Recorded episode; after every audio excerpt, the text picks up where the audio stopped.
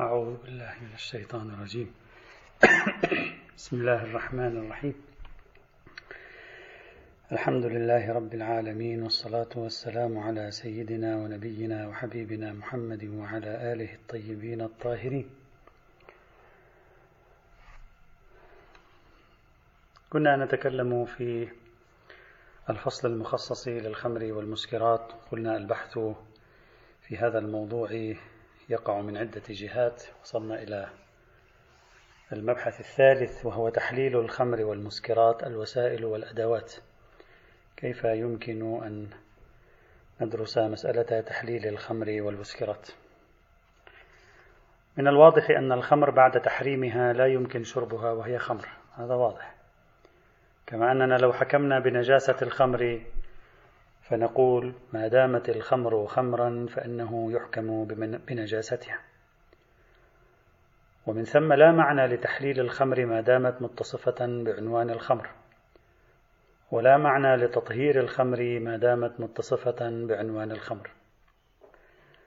والأمر كذلك في المسكر فلا معنى لتحليله ما دام متصفا بعنوان المسكر ولا معنى لتطهيره ما دام متصفا بعنوان المسكر بناء على القول بنجاسة الخمر والمسكر. لكن مع ذلك الفقهاء تحدثوا عن تحليل الخمر في حالة الانقلاب. هناك بحثوا ما معنى الانقلاب؟ وما الفرق بينه وبين الاستحالة؟ هل الانقلاب من مصاديق الاستحالة؟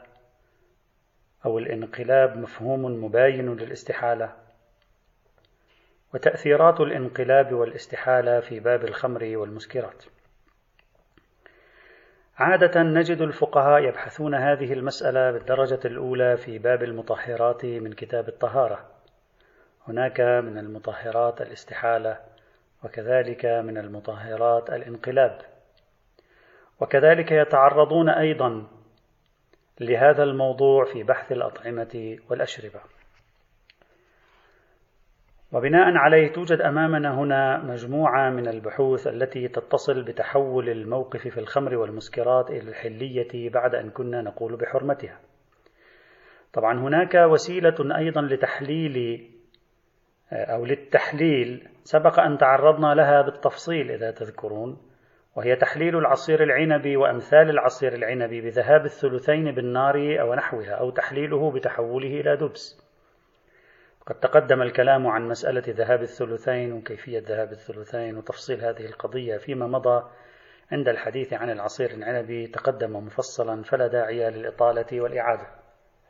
إذا البحث هنا له جهة اتصال أيضا بمباحث العصير العنبي هناك، تلك أيضا تعد جزءا من هذا البحث. على أي حال أريد هنا أن أطالع مجموعة الأبحاث المتصلة بتحليل الخمر والمسكرات ضمن مجموعة من النقاط وخطوات ومراحل من البحث. النقطة الأولى أو المحور الأول معنى الانقلاب وما الفرق بين الانقلاب والاستحالة؟ ما معنى أنه إذا انقلبت الخمر حلت؟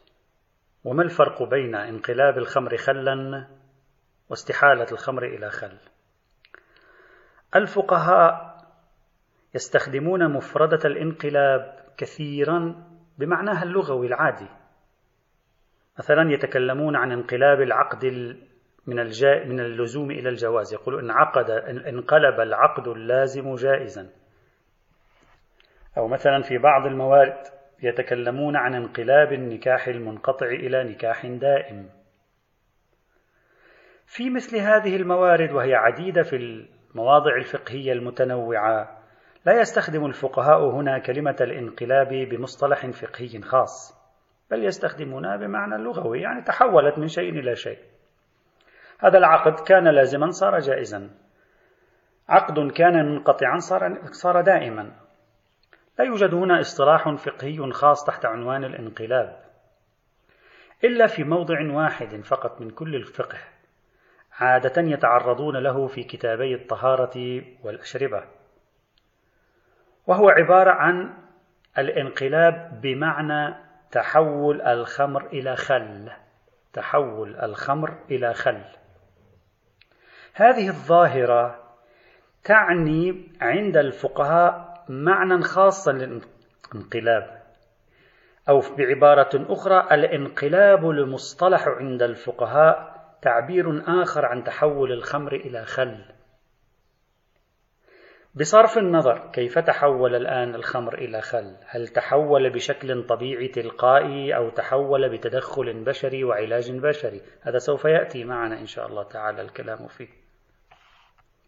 إذا الانقلاب كلمة تستخدم في أطراف الفقه ومختلف أبوابه. بمعنى لغوي ليس لها اصطلاح فقهي خاص. لكنك إذا دخلت بحث الأطعمة والأشربة وبحث المطهرات تجد هذه الكلمة ذات مصطلح فقهي خاص. هذا المصطلح الفقهي الخاص يعني تحول الخمر إلى خل. هنا تحول الخمر إلى إلى خل. تحول يعني فيه استحالة. دفع الفقهاء للتأمل في هذه القضية. وقع كلام بينهم. هل الانقلاب هو بنفسه الاستحالة أو لا؟ طيب نحن في الفقه في كتاب المطهرات عندنا عنوان من عناوين المطهرات مثلا الماء من المطهرات الشمس من المطهرات الأرض من المطهرات أيضا الانقلاب من المطهرات أيضا الاستحالة من المطهرات. السؤال ما الفرق بين الانقلاب والاستحالة؟ استحالة أيضا تعد من المطهرات. طيب الانقلاب اللي هو تحول الخمر إلى خل أليس استحالة؟ هل الانقلاب استحالة أو أن الانقلاب ليس باستحالة؟ مفهوم مباين بالاصطلاح الفقهي. الاستحالة نعرفها تحول جسم أو مادة إلى جسم آخر أو مادة أخرى أو بتعبير آخر خروج جسم من حالة وطبع وهوية معينة إلى حالة وطبع وهوية أخرى. هذا معروف. هم من الناحية اللغوية هم من الناحية الفقهية. السؤال أليس الانقلاب خروج مادة وهي الخمر إلى هوية أخرى وطبع آخر وهو الخل؟ إذا الانقلاب استحالة. هنا انقسم الفقهاء إلى قسمين. الفريق الأول قال الاستحالة غير الانقلاب. لماذا؟ قالوا لأن الاستحالة تعني تبدل الحقيقة النوعية للشيء. يعني حقيقته الماهية تغيرت. مثلا الخشب صار رمادا الماهية تغيرت. أما في الانقلاب قالوا الانقلاب لا, تتع... لا يوجد تحول ماهوي. ليس هناك تبدل لحقيقة الشيء. ها؟ ليس هناك تحول ماهوي إطلاقا. إنما هو تبدل في أوصاف الشيء. الحقيقة واحدة الحقيقة النوعية واحدة الماهية واحدة. أوصافه تبدلت. مثل الخمر صار خلا. نفس المادة نفس المكونات. غاية الأمر عرضت عليه صفات زالت منه صفة. عرضت عليه صفة ما زالت منه صفة الإسكار. إذا الانقلاب تحول صفتي. بينما الاستحالة تحول ماهوي عزز هذا الفريق رأيه قال أدلة مطهرية الانقلاب تغاير أدلة مطهرية الاستحالة. إذا معناها الاستحالة شيء والانقلاب شيء آخر. هذا له أدلته هذا له أدلته. ولهذا أيضا مما يعزز قولنا طبعا هذا من وجهة نظر الفريق الأول أن الفقهاء كثير منهم ذكروا الانقلاب في باب المطهرات وأفردوه بالذكر عن الاستحالة. فصلوا بين الاستحالة والانقلاب. وهذا الدليل على أن المركوز في أذهانهم تمايز الانقلاب عن الاستحالة. بل إننا لاحظنا الفقهاء يميزون الانقلاب عن الاستحالة ليس فقط في الذكر بل حتى في الأحكام والآثار. مثلا كثير من الفقهاء يقولون الاستحالة تطهر الجسم النجس وتطهر الجسم المتنجس. الكلب إذا استحال ملحا طهر. الخشب المتنجس إذا استحال رمادا طهر. أم هذا في الاستحالة. أما الانقلاب فهو لا يطهر إلا النجاسات دون المتنجسات. يعني الخمر العين النجسة انقلابها إلى خل يوجب طهارتها. أما لو ماء متنجس انقلب إلى خل لا يوجب ذلك طهارة هذا الماء. هذه نقطة مهمة. هذا رأي الفريق الأول. الفريق الثاني قالوا لا. الانقلاب ليس إلا قسم من الاستحالة. مصداق من مصادق الاستحالة لا أكثر ولا أقل. لا تمييز بينهما. لا يوجد تمييز بينهما. لماذا؟ هذا الفريق هكذا قال. قال يا جماعة نحن عندما نتكلم عن تبدل الصورة النوعية في الاستحالة ليس المقصود التبدل بالدقة العلمية والعقلية والفلسفية. إنما المراد التبدل بالنظرة العرفية. العرف يرى هذه حقيقة مغايرة لهذه. العرف يرى هذا نوعا مغايرا لهذا.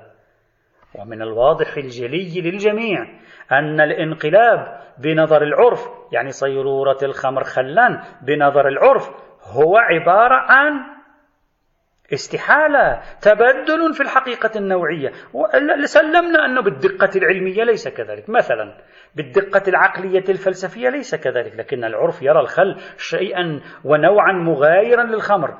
زوال صفة الإسكار التي هي أبرز معالم الخمر. ينظر إليه العرف على أنه تحول نوعي. لا ينظر عليه على أنه تحول صفتي. إحنا ما نتكلم هنا كعلماء كيمياء. ولا كفلاسفة وإنما نتكلم كأهل عرف وهذا كاف في مثل هذه الحال. طيب. هذا الفريق الثاني طبيعي. صار يلزم عليه أن يواجه الشواهد التي قدمها الفريق الأول. ماذا قال؟ قال الفقهاء فرزوا الانقلاب عن الاستحالة في باب المطهرات. ليس لأن الاستحالة غير الانقلاب والانقلاب غير الاستحالة. بل لأن ثمة بعض الأحكام المتمايزة بينهما في بعض الخصوصيات. لذلك أفردوا الانقلاب اللي هو أحد أفراد الاستحالة أفردوه بالذكر لأنه استحالة لها أحكام خاصة. مثلا ماذا قالوا من جملة امتيازات الاستحالة الانقلابية عن سائر أنواع الاستحالة؟ ماذا قالوا؟ قالوا الاستحالة تطهر الجسم المستحال. أما الانقلاب فهو يطهر الجسم المستحال ويطهر الإناء الذي كان فيه هذا الجسم المستحال. يعني أنا إذا عندي خمر موجودة في إناء وانقلبت خلا هم طهر الخمر وحل الخمر هم طهر الإناء أيضا.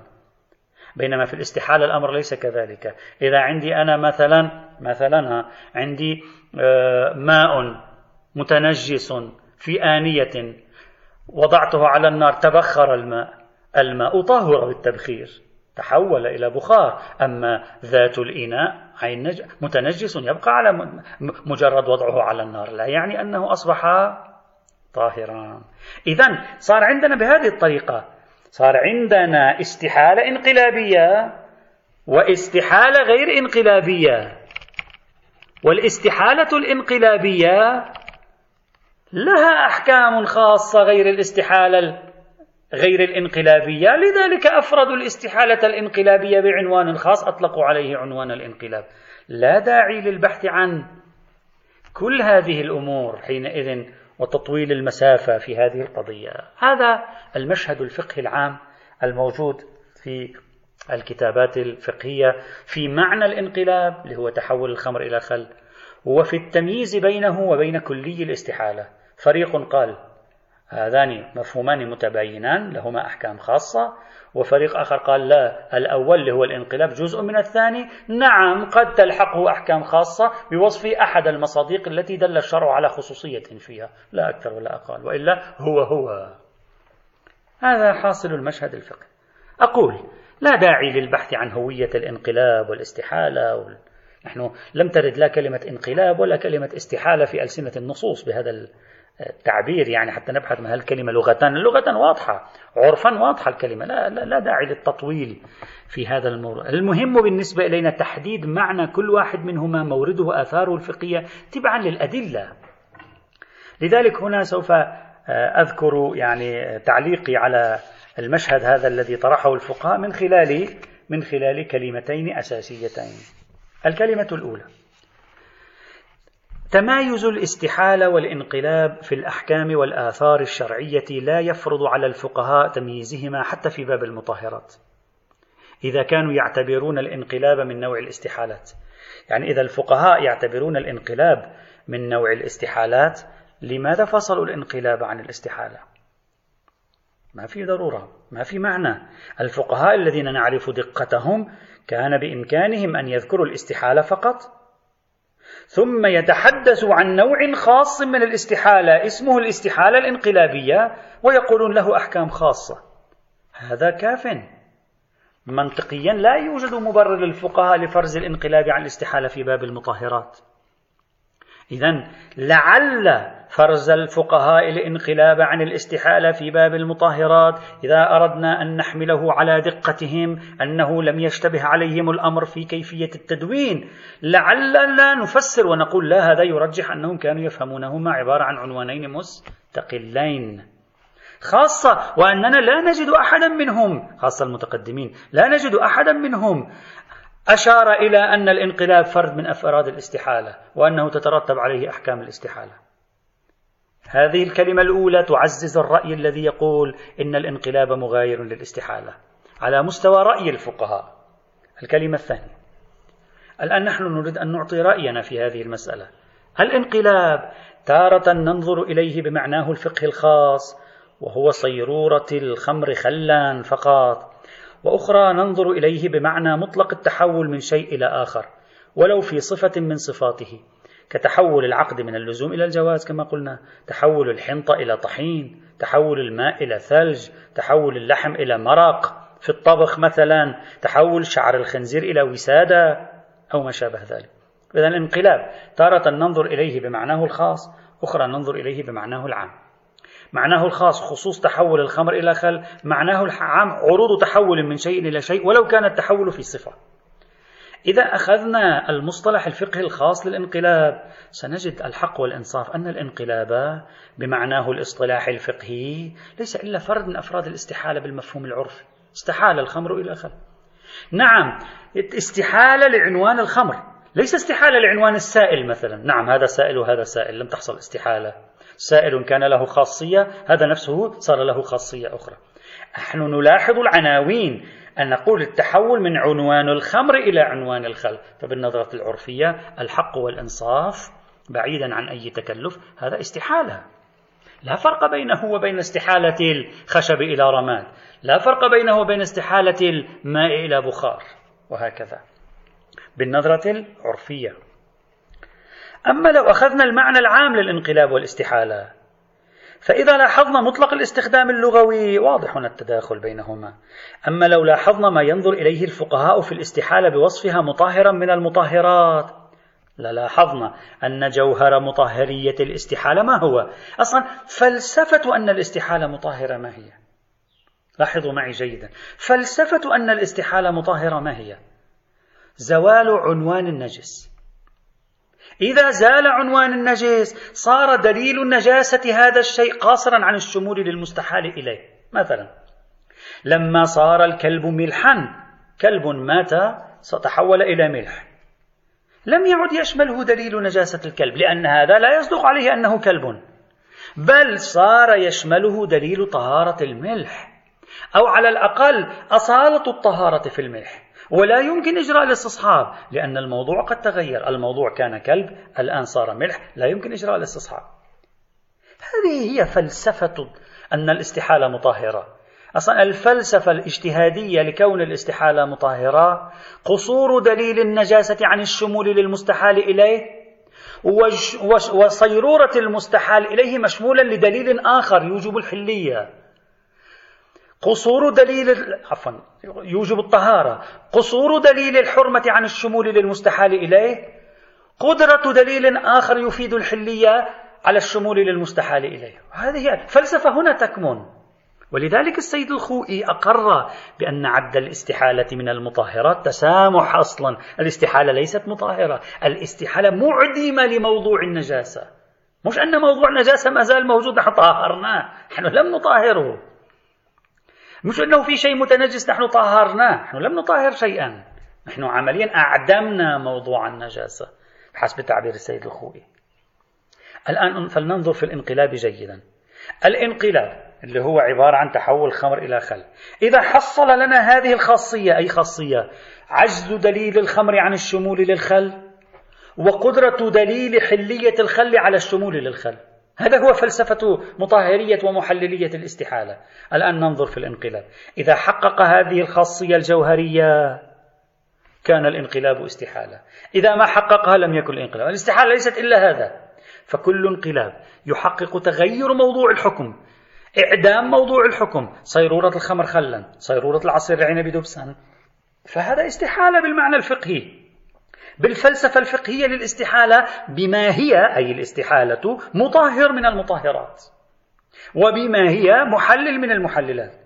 كل انقلاب يغير موضوع الحكم الأول فهو استحالة. كل انقلاب يحدث في شيء ما لا يوجب تغير موضوع الحكم الأول. لا يكون من المطهرات أصلا. لا بعنوان كونه انقلابا هو لا بعنوان كونه استحالة. نعم يمكن للشارع أن يحكم بتغير الصفات بحكم جديد لكن نحن تكلمنا عن مقتضى القاعدة وعليه. فالراجح بالنظر هو أن نعالج الموضوع بهذه الطريقة وبه يصير الانقلاب بالمعنى الخاص فردا من أفراد الاستحالة. ونصيغ الصيغة النهائية على الشكل الآتي. نقول الاستحالة بمعناها الفقهي وبوصفها مطهرا ولو بإطلاق تسامحي هي خروج الشيء عن العنوان الذي به صار مشمولا لدليل النجاسة إلى عنوان مشمول لدليل الطهارة أو لأصالة الطهارة بالمنظار العرفي. وعليه إذا قصد من الانقلاب بالمعنى الخاص وعليه الانقلاب بالمعنى الخاص يصبح فرد من أفراد الاستحالة. غايته فرد من أفراد الاستحالة له أحكام خاصة أخرى إضافية لا بأس. أما إذا قصدنا من الانقلاب مطلق التحول في الشيء ولو التحول الصفتي فيكون الانقلاب أعم من الاستحالة بما هي مطهر من المطهرات. لأن التحول الانقلابي إن أوجب زوال العنوان صار استحالة. وإن لم يوجب زوال العنوان كما في صيرورة الماء ثلجا تباين الانقلاب والاستحالة. فلم يعد مطهرا. لا بدليل المطهري العام ولا بدليل خاص. والمتحصل أن الانقلاب بالمعنى الخاص فرد من أفراد الاستحالة المتجوهرة بزوال العنوان عرفا. والغريب أن السيد الخوئي دافع عن جعل الانقلاب فردا من الاستحالة عند حديثه عن مطهرية الاستحالة والانقلاب لكن إذا تذكرون في بحث العصير العنبي رد على الشهيد الثاني وقال له تحول العصير العنبي إلى دبس ليس انقلابا. وأوضح هناك أن الانقلاب غير الاستحالة وأن الاستحالة هي تحول في الحقيقة النوعية بخلاف الانقلاب فهو تحول في الأوصاف. هكذا قال. فالظاهر إما عدل أو التبس عليه الأمر. أصلا إشكاله هناك لا ينسجم مع ما تبناه في بحث الاستحالة والانقلاب فإن الانقلاب ليس تحول في الأوصاف.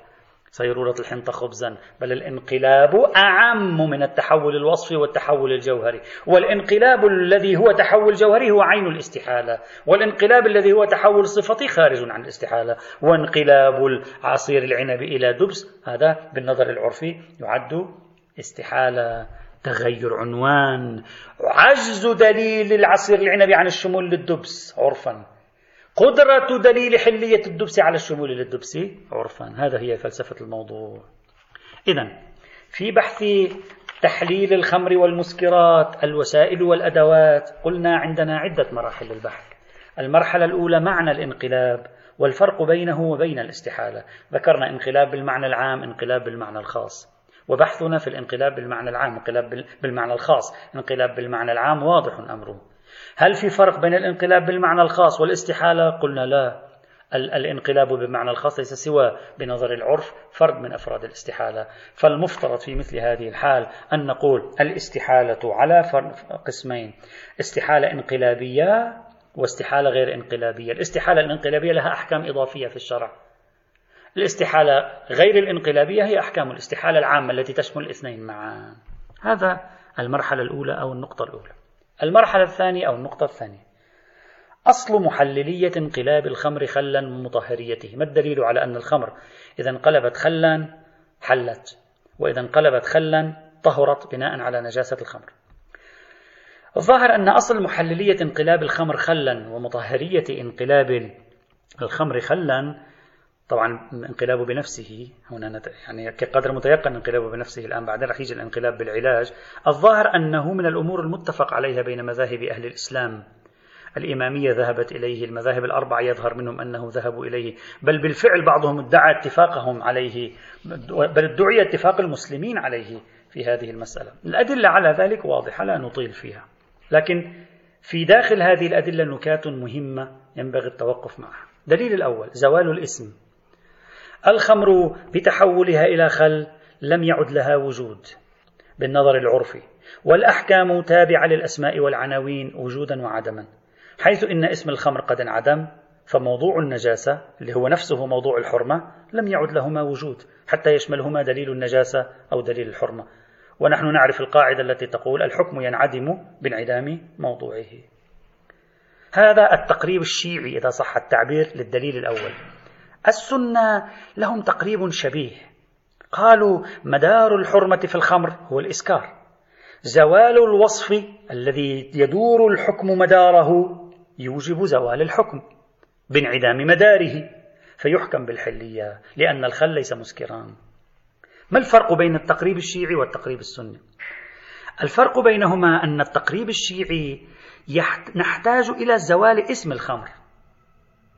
بينما التقريب السني لو فرض أننا أتينا بخمر وضعنا فيها مادة معينة لم تصبح الخمر خلا ولا تغير اسمها لكن فقدت خاصية الإسكار بناء على التقريب الشيعي تبقى على الحرمة لصدق اسم الخمر عليها. بناء على التقريب السني يفترض أن تزول الحرمة لأن الحرمة دائرة مدار عنوان الإسكار وعنوان الإسكار قد ذهب في المقام. هذا فرق دقيق بينهما. إلا إذا قلنا وأرجو التنبه هنا هذا استدراك مهم إلا إذا قلنا أن الخمر التي لا تسكر بنظر العرف لا تسمى خمرا إلا مجازا. فيرجع التقريب السني إلى التقريب الشيعي ويتحد التقريبان معا في مثل هذه الحال. لماذا أقول ذلك إخواني الأعزاء؟ لأن السيد اليزدي في كتاب العروة الوثقى ماذا قال؟ قال لو صب في الخمر ما يزيل, يزيل سكره لم يطهر. ما قبل بأن يطهر. بقي على الحرمة وبقي على النجاسة. أحد من معلقي العروة المحشين على العروة لم يعلق شيئا هنا. ما معنى ذلك؟ معنى ذلك أن الفقه الإمامي يهمه زوال اسم الخمر. بينما الفقه السني في باب الحرمة والنجاسة يهمه زوال فاعلية الخمر الذي دارت أحكام الخمر عليه وهو الإسكار. هذا الذي رأينا. نعم رأينا أن الشيخ المنتظر رحمه الله علق هنا على كلام الشيخ اليزدي بالسيد اليزدي بهكذا قال قال كلامه صحيح إلا إذا تحول المائع عن الخمرية بزوال سكره. هذا الذي ألمحنا إليه قبل قليل. لأننا شككنا قلنا لو زال وصف الإسكار عن الخمر هل العرف ما يزال يسميها خمر أو لا؟ هذه نقطة مهمة.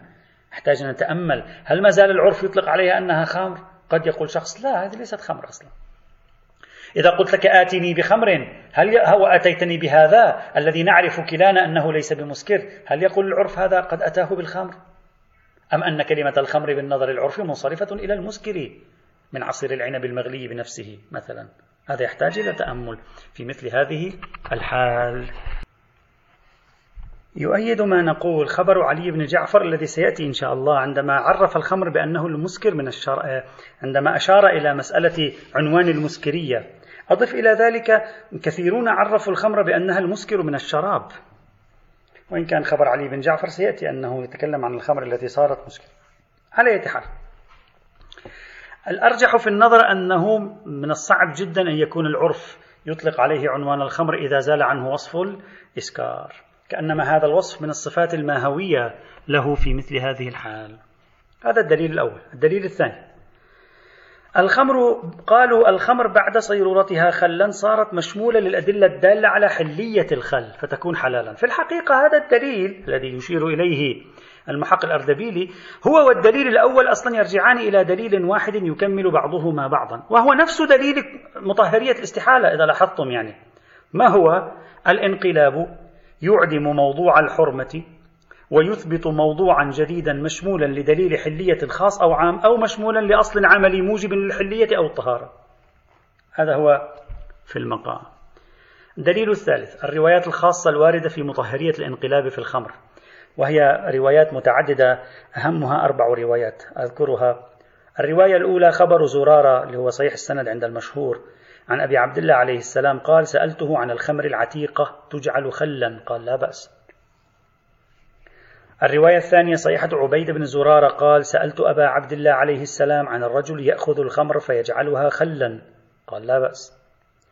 الرواية الثالثة صحيحة عبيد بن زرارة الأخرى عن أبي عبد الله أنه قال فالرجل إذا باع عصيرا فحبسه السلطان. شخص عنده عصير إجا السلطان حبسه. بعد مدة أطلق سراحه. والمدة هذه بقي العصير في محله. فحبسه السلطان حتى صار خمرا. فلما طلع هذا الرجل فجعله صاحبه خلا. فقال إذا تحول عن اسم الخمر فلا بأس به. العبرة بتحول الاسم لاحظتوا؟ العبرة بتحول الاسم. الرواية الرابعة خبر علي بن جعفر عن أخيه قال سألته عن الخمر يكون أوله خمرا ثم يصير خلا. وفي نسخة أيؤكل قال إذا ذهب سكره فلا بأس. هذه كلمة إذا ذهب سكره تؤيد التخريج السني الذي قلناها قبل قليل أن عنوان الإسكار إذا زال كأنما الظاهر زال عنوان الخمرية. هو المدار في الحكم هنا. إذا لا إشكال ولا ريب. بضم هذه الأدلة الثلاثة إلى بعضها بعضا. أنه أصل محللية الانقلاب يعني انقلاب الخمر إلى خل لا شك أنه ثابت في هذا المجال وكذلك المطهرية. هذا البحث الثاني أو النقطة الثانية أو المرحلة الثانية. المرحلة الثالثة وهي مهمة. دائرة محللية الانقلاب ومطهريته. اتفقنا على أصل التحليل بالانقلاب. وقع الكلام في دائرة ذلك. عندنا عدة يعني نواح وقع فيها الكلام في مساحة دور الانقلاب. الانقلاب واضح ثبت. الآن مساحته مساحة نشاط الانقلاب وآثاره ما هي؟ عندنا مجموعة يعني حدود. أولا سأضعه تحت عنوان في الشيء المنقلب. في الشيء المنقلب. أو عموم الحكم للعصائر والأنبثة ما معنى هذا العنوان الأول؟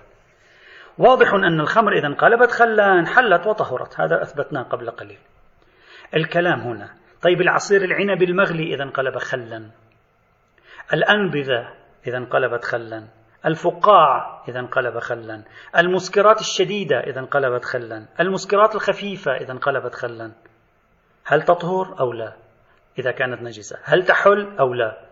بعد ثبوت نجاستها بعد ثبوت حرمتها بكلي الإسكار. هذا هو السؤال. يعني هذا الانقلاب فقط خاص بالخمر بالمعنى الأخاص أو يشمل مطلق المسكرات. هذا البحث المهم بالنسبة إلينا. العلامة الحلي رحمة الله تعالى عليه يبدو عليه في بعض كتبه التردد والاستشكال في هذه القضية عندما تحدث عن النبيذ. لماذا استشكل؟ قال علة التنجيس هي الإسكار والإسكار قد زال. فلا بد نحكم بالطهارة. في المقابل قال النبيذ لم يرد في النص.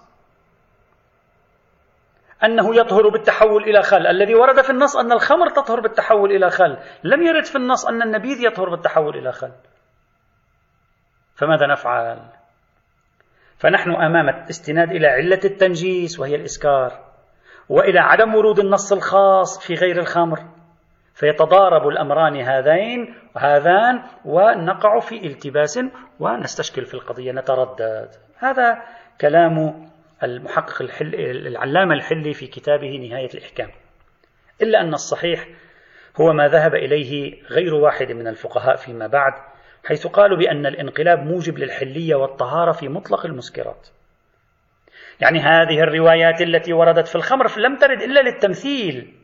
للتمثيل لكلية الاستحالة فقط لا أكثر ولا أقل حتى أن السيد الخوي ذكر أن الفقهاء عندما يتكلمون عن الانقلاب بوصفه مطهرا ثم يقولون آه، وهو انقلاب الخمر خلا أصلا هذا هؤلاء فقط يذكرون مثال لا أنها قضية خاصة بانقلاب الخمر خل أصلا في هذا الموضوع.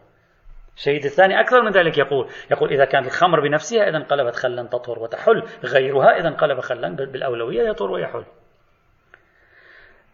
في تقديري إذا أردنا أن نقارب الموضوع مقاربته صارت سهلة.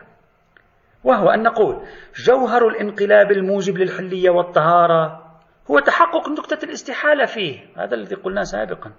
إذا خرج النبيذ عن طبيعته ليصير خلان أو خرج الفقاع عن طبيعته ليصير خلان أو خرج العصير العنبي عن طبيعته ليصير خلان ينطبق عليه قانون الاستحالة العام. مجرد عدم وجود نصوص فيه لا يعني أن قانون الاستحالة لا يجري فيه قانون الاستحالة لا يحتاج إلى نص. قانون الاستحالة يجري على وفق القاعدة. ورود النصوص في خصوص الخمر لا ينفي الحكم عن غيرها. سألت الناس حول الخمر. إذا انقلبت خلا. لا يعني ذلك أن غير الخمر إذا انقلب خلا لا يشمله الحكم. لا ليس لها مفهوم. أصلا ليس لها مفهوم حتى نستفيد منها مثلا في هذا المجال. وعليه. مقتضى القاعدة في باب الاستحالات الكلية في باب الانقلاب الذي قلنا بأنه بمعناه الأخص يندرج ضمن مفهوم الاستحالة وقاعدة الاستحالة.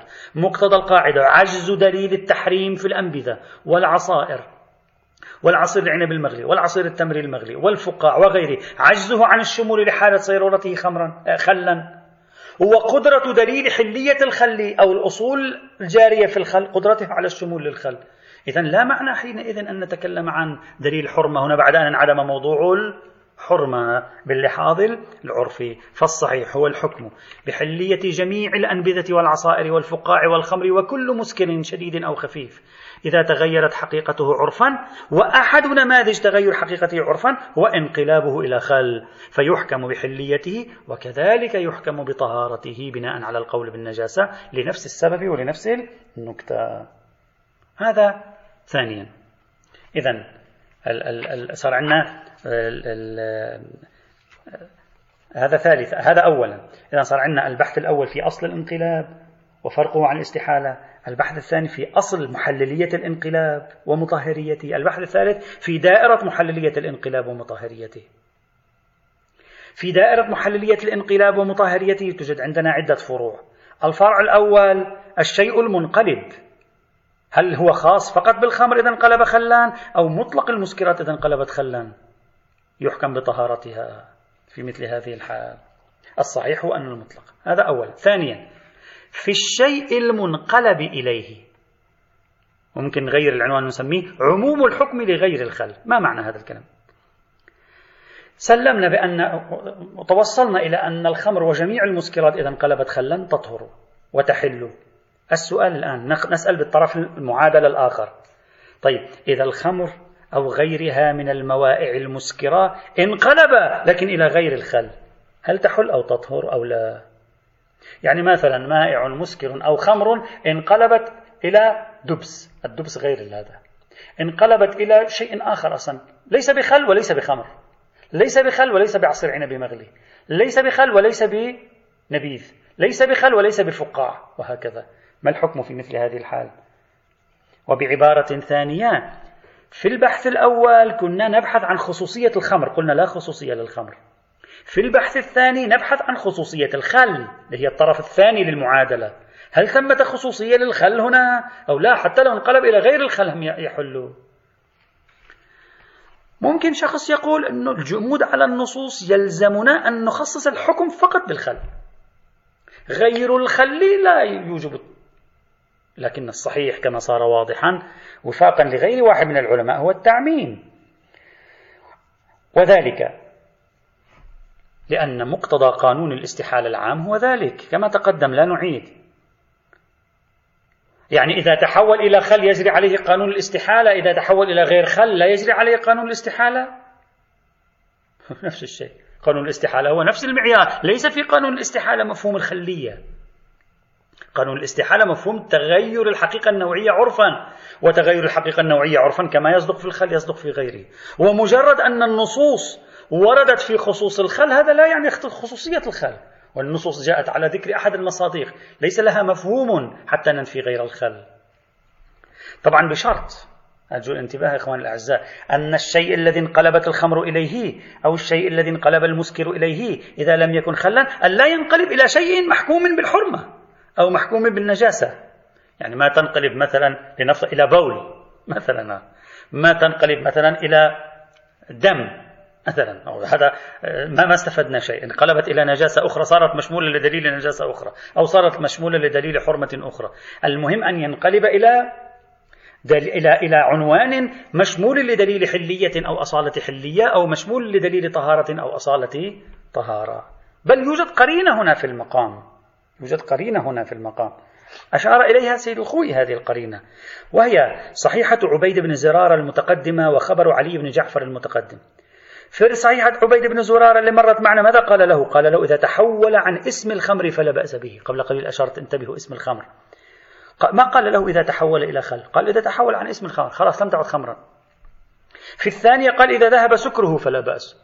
إذا ذهاب السكر كافي. صار خل أو غير خل؟ فإذا هاتان أيضا روايتان وواحدة منهما معتبرة الإسناد كافية في إثبات الحكم في المقام. فالصحيح عموم الحكم بالطهارة والحلية لمطلق تحول الخمر أو غيرها من المسكرات إلى مطلق حقيقة نوعية أخرى عرفا. أكانت هذه الحقيقة النوعية الأخرى العرفية هي خل أو غير خل. العبرة بالخروج عن اسم الخمر وبالخروج عن اسم المسكرية من هنا يظهر لنا أمر مهم إخواني الأعزاء. أن المدار في غير الخمر من سائر المسكرات الخمر واضحة المدار من غير الخمر من سائر المسكرات هو زوال المسكرية زوال المسكرية عن المسكرات مش زوال عنوانها الخاص زوال عنوان المسكرية عنها هو يفرض زوال الحرمة. لأن الحرمة هناك كما قلنا انصبت على عنوان المسكر فلو زالت المسكرية بعلاج بكيميائيات وما شابه ذلك من ذات هذا المشروب زال الحكم. وهذا الأمر يصبح أكثر وضوحا بعد أن تبين لنا أن انقلاب الخمر إلى خل كان مجرد مثال لزوال الصفة والعنوان الذي كان عليه مدار الحكم. فإذا كان مدار الحكم في غير الخمر هو عنوان المسكرية زوال عنوان المسكرية كاف حينئذ. حتى لو بقي الشراب بنفس الاسم لكن لم يعد فيه طاقة الإسكار لم يعد يصدق عليه اسم المسكر. يحكم بحليته بل يحكم بطهارته في مثل هذه الحال. وبهذا نعرف أعزائي أن أنواع الخل الموجودة اليوم كل أنواع الخل الموجودة اليوم. لا يهمني كما يفعل بعضهم لا يهمني كيف تحولت إلى خل.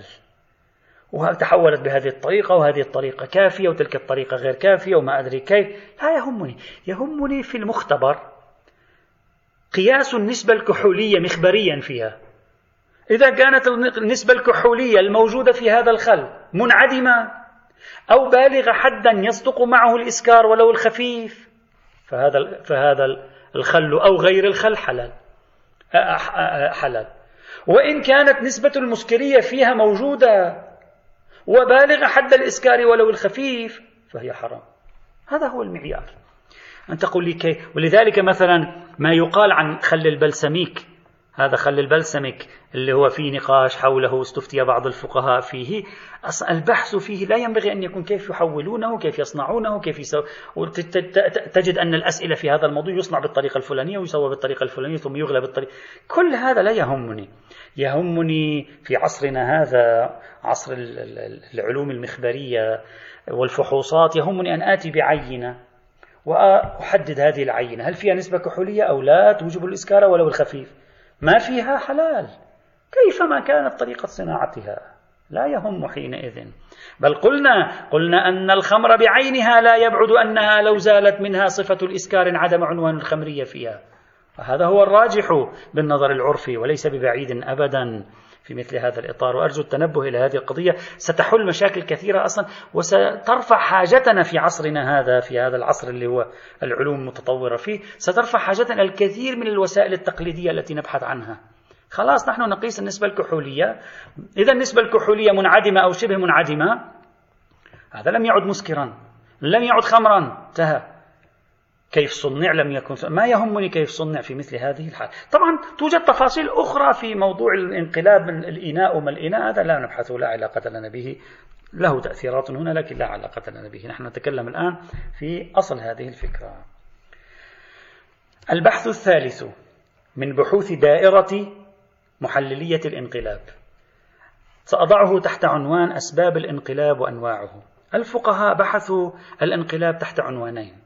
أو جعلوه على قسمين بتعبير أدق. القسم الأول الانقلاب الذاتي أو الانقلاب بنفسه. ما معنى الانقلاب الذاتي أو الانقلاب بنفسه؟ بمعنى أننا تركنا الخمر لوحدها هي هي, هي بشكل تلقائي صارت خلا. حصل الانقلاب. هذا المقدار متفق عليه بين جميع المسلمين أنه موجب للحلية والطهارة. ما في نقاش فيه. هي بنفسها صارت خلا. القسم الثاني ما يسمى ما نسميه بالانقلاب بالعلاج. بمعنى يجي الإنسان هذه خمر وضع شيئا في داخلها. مثلا يقال مثلا ملح أو خل أو بصل يؤدي إلى تفاعلات فيها يقلبها إلى خل. هل مفهوم الانقلاب الموجب للطهارة والحلية يصدق في حال الانقلاب العلاجي؟ أو أنه فقط في حال الانقلاب الذاتي تترتب هذه الآثار؟ هذه القضية وقعت موقع الخلاف في الفقه المقارن بين المذاهب. الإمامية ولعل إجماع الإمامية على ذلك بل ادعي الإجماع. الإمامية والأحناف والرأي الراجح عند المالكية قالوا ال الانقلاب الذاتي والانقلاب بعلاج موجب للتطهير والحلية. ما في فرق. نسب إلى الشافعية والحنابلة أنه لا يطهر الانقلاب لا تطهر الخمر بالانقلاب بعلاج. هذا ليس صحيحا. لا تطهر الخمر بالانقلاب بعلاج. هنا لابد لنا أن ننظر في المجموعات الروائية في المقام والأدلة والمعطيات ماذا تعطينا ثم بعد ذلك نبحث في مجموعة من الصور. فنجعل البحث على مرحلتين. المرحلة الأولى دراسة المجموعات الحديثية في المقام والمرحلة الثانية دراسة الصور والحالات. يأتي إن شاء الله تعالى والحمد لله رب العالمين.